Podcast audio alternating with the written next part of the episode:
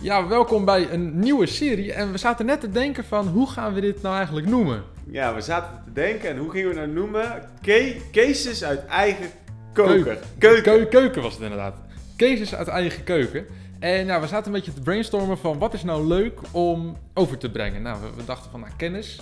Nou, dat hebben we al met die social media man special. Hè? Dat, eh, als je ze nog niet hebt geluisterd, luister eens even. We hebben er eentje over Facebook gedaan, eh, copywriting. En eh, laatst nog over LinkedIn. Dus dat is wel leuk om eventjes eh, ja, te beluisteren.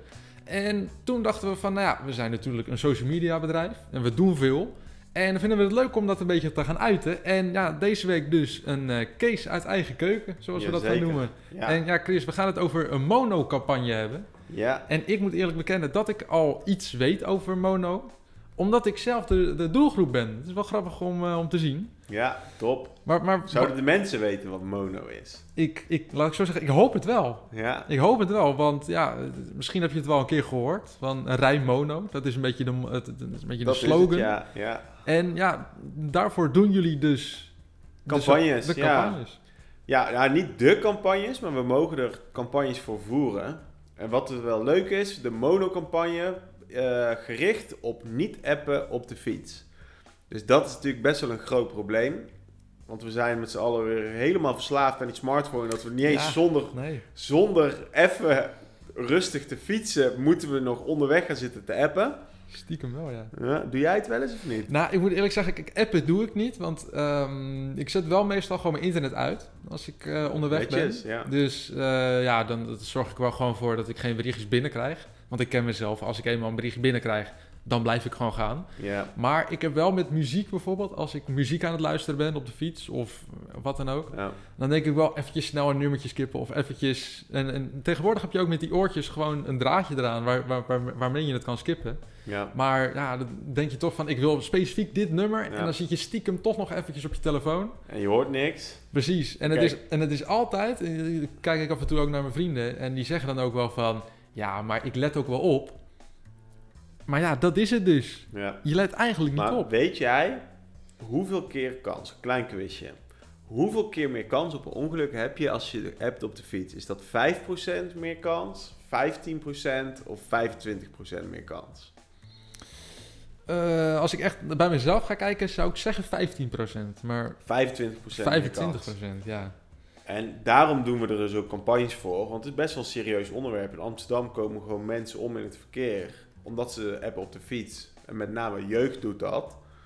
En daarmee kloppen ze dus bij ons aan. Van, kunnen jullie een campagne uitdenken voor Generation Z, gericht op appen op de fiets? Ja, wat goed is om te weten, want daar- daarom hebben we het ook nu even een special case uit eigen koker genoemd, omdat het ook met influencers te maken heeft Mhm. omdat het zo'n jonge doelgroep was, hebben we gekozen om te werken met een influencer.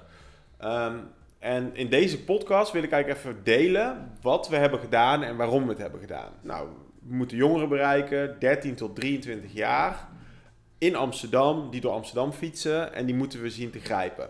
Dus wat we dan eh, hebben gedacht, van nou, jongeren kijken veel vlogs. Mhm. En jongeren zitten niet op Facebook, maar zitten op Instagram, Snapchat, TikTok Ja, en YouTube. Dus we hebben een soort middelenmix gemaakt. We hebben van tevoren gedacht, oké, we moeten op die kanalen zichtbaar zijn. En toen zijn we een concept gaan verzinnen, waarbij we een influencer hebben uitgezocht die de straat op gaat en eh, een vlog maakt rondom appen op de fiets. oké. En eh, wie wie is dat uiteindelijk geworden? Nou, we hebben gewerkt in dit geval met Rijk Hofman. En dat is ook wel leuk om eens te delen van hoe werkt dat nou. Nou, we hebben eerst verteld van we denken, we denken aan een vlog, we denken aan influencer content en we denken aan eh, die kanalen. Nou, de gemeente, de klant in dit geval, die vond dat oké om daar eens eh, mee, om een idee daarmee uit te werken. En toen zijn we gaan zoeken naar, eh, via influencerbureaus, ook een bureau waar we veel mee samenwerken, Million Faces Mhm. welke influencer past hierbij? En die kwamen met Rijk Hofman. En wat wel goed is om te weten, je zoekt eigenlijk naar iemand die in die generatie bekend is. Ja. Ik ken de Rijk Hofman niet eens echt goed. Nee, Maar ik ben te oud. wel. Ja, nee, jij bent inderdaad net even te oud voor, voor Generation Z inderdaad. Maar ja, ik, ik zit er middenin en ik ken hem inderdaad. Ik, het is niet dat ik hem echt overal kijk of zo. ja, Maar het is, ja, het is wel een ge- bekend gezicht, laat ik het zo zeggen. grappig ja. Want ik zou eerder Tim Hofman kennen. En dat is ook alweer grappig bij zo'n klant, die dan zelf ook vaak boven de 30 zijn. Ja. Die komen met hele andere namen die ze cool zouden vinden. Die Ja. zeggen bijvoorbeeld, oh, eh Fiesse Fur hoorden we van, die zou dat kunnen doen. Maar die vinden zij dan leuk. Ja. Maar de Gen Z natuurlijk niet echt. Nee, precies. Dus je moet echt een influencer zoeken die echt in de doelgroep bekend is. En toen kwamen we bij Rijk Hofman. En dan kom je ook nog weer eens bij een ding, wat ook belangrijk is om over na te denken. Wat is het afbreukrisico? Hm. Als Rijk Hofman dadelijk eh, gaat eh, een biertje te veel drinkt en, Ja, eh, ja, dat- en, zijn scooter pakt, Ja. dan is het, de campagne niet meer zo geloofwaardig. Maar goed, dus we hebben, we hebben een influencer gezocht en met hem zijn we gaan nadenken over een contentconcept. En dat is dan wel weer leuk wat we hebben gedaan. Ehm, we hebben een concept bedacht. We gingen de straat op met een bord. Daarop staat, als je dit mist, mis je een cadeautje. En dat zijn we gewoon langs het fietspad, fietspad gaan staan. En, en de mensen die aan het appen waren, die misten compleet dat bord. En, eh, en daarna ging Rijk ze aanspreken van... eh, hey, eh, heb je gezien wat je hebt gemist? Dus iedereen die aan het appen was, had natuurlijk totaal geen oog voor zijn omgeving. Nee. Die kreeg dan ook niet het cadeautje. En Rijk ging ze dan daarop aanspreken. En dat leverde dus wel grappige content op. Een soort, het was een soort van street challenge. En eh, op die manier hebben we daar een vlog van gemaakt. En op het eind van de vlog, dus eerst hebben we een compilatie gemaakt van al die mensen die voorbij fietsen. Mhm. En op het einde geeft Rijk dan aan, eh, nou, het is een serieuze boodschap. Nu mis Ja. je dit, maar uiteindelijk je kunt ook een vrachtauto missen. Precies. En zo probeer je dat dan echt in een vlog. Dat is natuurlijk een contentvorm die jongeren veel kijken. In een manier te vertellen, op een manier die ook past bij hoe zij content bekijken. En, en, en hoe, want je zei van, oké, we maken het voor de gemeente Amsterdam. Maar hoe maak je het dan, ja, een soort van Amsterdams, laat ik zo zeggen. Ja, letterlijk de straat op gaan op bekende plekken in Amsterdam. Dus volgens mij zijn we gaan filmen bij het Rijksmuseum en bij Oh, wat ja, grotere kruispunten. Maar goed, dus dat is wel leuk. En hoe hebben we dat dan nou gedaan? En dan kan ik ook wel meer de techniek in gaan. We hebben die vlog gemaakt. Uiteindelijk hebben we die content van die vlog opgedeeld in allemaal content formats. Een lange vlog op YouTube, Instagram story, teasertjes, ehm, Instagram stories met de hele vlog, Instagram timeline content en op Snapchat ook stories gemaakt. Mhm. En vanuit die korte teasers kon je omhoog swipen en dan kon je de hele vlog op YouTube kijken. En we hebben ook YouTube pre-roll ads gemaakt, getarget op jongeren. Als ze op YouTube zitten, dat ze dan die, eh, zo'n pre-roll advertentie te zien Ja. krijgen. Maar de samenvatting is dus, en dat is het leuke, dat het mega goed werkt. We zien echt, doordat we een influencer gebruiken en videocontent gebruiken die ze een beetje in de belevingswereld past, dat we gewoon hele hoge doorklikratio's hebben, hoge kijkratio, mensen blijven Mhm. lang hangen. En Dus dat was wel heel cool. En wat ook nog leuk is, en dat is dan echt een beetje die funnel gedachte, voor de mensen die er wat van weten. Ja, de, de funnel inderdaad. Je begint Jij kent hem groot. ondertussen ook al. Je, je, je begint groot en je eindigt heel klein. Ja, dat is het Zoals, eigenlijk. zoals het leven eigenlijk, hè? De, Ja. de funnel is het leven in het, eh, in het klein. Nee, precies. Ja, je begint gewoon met bereik. Gewoon mensen bereiken. En dan uiteindelijk werk je zo door, langzamerhand, naar een actie, een conversie eigenlijk. Ja, dat is het. En dat is dus het leuke. Wat we hebben gedaan, kan ik hier ook laten zien. Mhm. Op basis van kijkgedrag hebben we daarna een, eh, een, een story ad gemaakt. Gericht op mensen die de content al hadden gezien. Dus die de Insta-stories zagen of die bepaalde video's zagen. En op basis van video retargeting kregen ze daarna een ad van Rijk te zien. Waarin hij zegt, hey, fiets je wel eens door Amsterdam? Doe de quiz en check wat je mist. En toen hebben we een spelletje gebouwd. En dat spelletje, hier zie je het ook. Ja, dat is inderdaad eh, ook weer op een bekende plek, hè. Dat is heel goed. Ja, Museumplein Ja. staat die. Maar het leuke was dus dat de jongeren die doorswipen naar het spelletje Mhm. ook weer eh, gemiddeld 60% conversie hadden we daarop. Zo. Dus die maken dan het spelletje ook af. Ja. En in het spelletje krijg je vragen over wat algemene vragen, over eh, hoe lang kun jij je telefoon links laten liggen, dat soort dingen. En op een gegeven moment gaan we in op hoeveel keer meer kans heb je op een ongeluk. Of meer de feiten rondom de Ja. gevaren. En op het eind van de quiz, als je te veel vragen fout had of juist goed, kreeg je weer een persoonlijke boodschap van Rijk, afgestemd op de vragen die je had ingevuld. Kunnen we het quizje misschien niet doen? Even Ja, kijken zeker. hoe het, hoe dat werkt. Ik ben, ik ben nu wel benieuwd. Zeker, gaan we hem even doen. Oké. Dus hier zie je de quiz. Wat mis jij allemaal als je op de Oh fiets zit? Ik, ik ben de doelgroep. Oprecht, ik ben echt inderdaad de doelgroep. Laten we hem even doen. De eerste vraag. Eh, hoe lang hou jij het vol om niet op je telefoon te kijken? En dan kun je kiezen uit niet langer dan 10 minuten of ik vergeet soms dat ik überhaupt een telefoon heb. Ik moet eerlijk zeggen, niet langer dan 10 minuten. Nou, hoppatee. Ja, ik, Ah. heb hem, ik heb hem ook weer hier gewoon naast me liggen, zelfs tijdens het opnemen. Dus moet je nagaan. Even kijken, wat doe jij tijdens het fietsen? Ik geniet van het prachtige Amsterdam om me heen. Of ik ben eh, de beste multitasker, zonder van je tijd om alleen met fietsen bezig te zijn. Ehm, nou, ik moet eerlijk zeggen, ik rij wel met oortjes in. Dus ik vind dat op zich wel multitasken. Want je bent natuurlijk aan het luisteren en af en toe denk je van, nou, even muziekje skippen. Ja, even Dus- een nummertje op Spotify checken. Precies, dus ik, ik laat zeggen, ja, ik kies toch voor de beste multitasker, maar ik ben niet de beste, maar ik ben wel een multitasker, laat ik zo zeggen. Ben je dan? Nee dan. Eh appen op de fiets vergroot de kans op een ongeluk met 5% of 25%. Nou, toevallig heb jij dat net gezegd tegen mij, dus ik zal zeggen 25%. Yes. Eh, klopt, even snel een berichtje lezen of zelfs schrijven vergroot de kans op een ongeluk met 25%. En het is leuk dat jullie, ik zie dat heel vaak een, eh, een emoji. Ja. Da- daar hebben jullie natuurlijk goed voor gekozen. Ja, emojis zijn eh, belangrijk. Omdat natuurlijk de doelgroep dat gebruikt. Dus Zeker.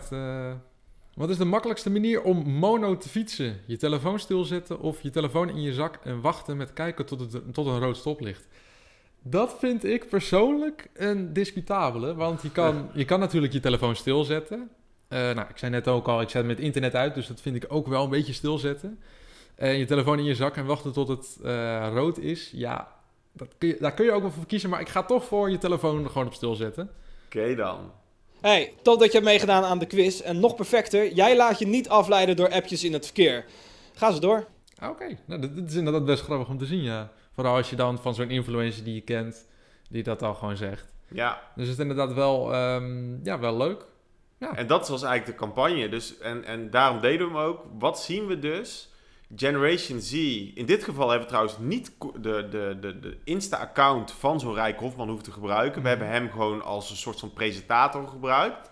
Dus dan kun je samenwerken, maar je hoeft niet eh, ook nog via zijn kanalen de, de doelgroep te bereiken. Want dat is nog wel een misverstand soms. Hè. Dan denken ze van, ja, Ja. we kunnen de jongeren niet bereiken. Je moet influencers hebben om ze te bereiken.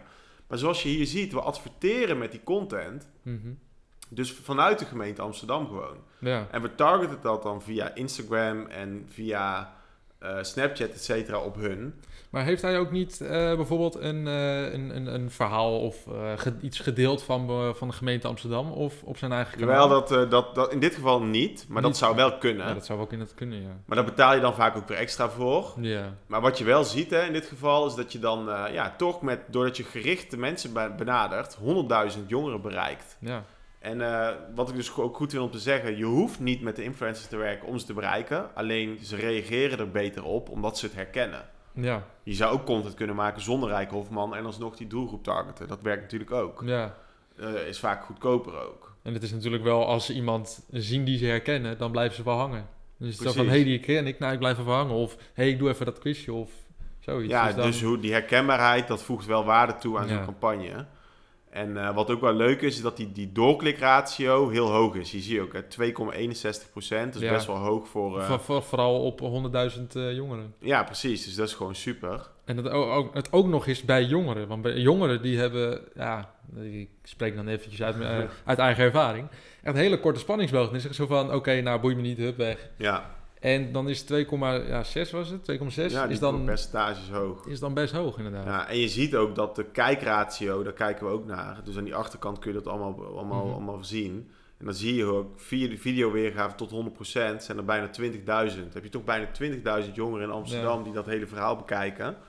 En op basis van dat kijkgedrag retargeten we ze ook weer met het spelletje. Ja, en dit is dan echt op eh, alle kanalen. Dus eh, Snapchat, Insta- Instagram, YouTube, alles bij elkaar. Ja, dit is alleen de statistieken die je nu ziet, is alleen maar Instagram. Ah, Oké. Maar dan hebben we ook nog Snapchat, wat trouwens ook bizar goedkoop is. Op Snapchat betaal je voor eh, het bereiken van, van 1000 jongeren ongeveer 80 cent. Dus dat is echt, het kost bijna niets. En YouTube pre-roll werkt ook supergoed. Ja. Dus dat is ook goed om te weten. Dus dan, eh, dan, dan zien ze hem en dan blijven ze de vlog wel kijken. Ja. Dan kun- kunnen we ook nog een keer zo'n eh, social media man special van maken. Over de YouTube pre-rolls. YouTube, pre-rolls en ook nog over Snapchat natuurlijk. Want ja, dat zei je de vorige keer ook al. Snapchat is heel goedkoop en dat is heel interessant natuurlijk. Ja, Dus daar kunnen we inderdaad wel een keertje over hebben. we betaalden echt eh 2 cent per doorswipe of zo via Snapchat. Dus dat was echt bizar. Dat Maar goed, dus dat zijn wel leuke dingen inderdaad. Hoe, hoe goed dat kan werken met, met influencers en eh, jongeren bereiken. Dus eigenlijk, en dan de moraal van het verhaal om het een beetje af te sluiten. Gebruik die kanalen als Snapchat, Instagram, eh, YouTube. En betaal gewoon, dus, dus betaal om ze te targeten. Je bent niet afhankelijk van het bereik van die influencer. Je kunt gewoon zelf pushen met budget en dan kun je ze ook bereiken. En maak content die, ze, die, die hun belevingswereld raakt. Ja, dus dat was eigenlijk de case van de week. Of hoe noem je Ja. het ook weer? De, de, de case uit eigen koker of de keuken. Nou, daar gaan we nog even over kijken. Dan gaan we. In ieder geval, de mensen die, die weten het al, want de titel staat al online. Ja, Dus dan gaan we nog eventjes over brainstormen wat het wordt. ja zeker. Dus, ehm, nou, laat ik zo zeggen, laten we, laten we er vaker zo'n eentje maken. Het is wel leuk om, om, om even over te hebben. Ja, En eh, volgens mij hebben we genoeg cases om, eh, om eh, te bespreken. ja. Dus dat is wel inderdaad, dat komt inderdaad wel goed. Dan, spreek ik jou bij de volgende weer. Yes Sam, bedankt. Hoi hoi.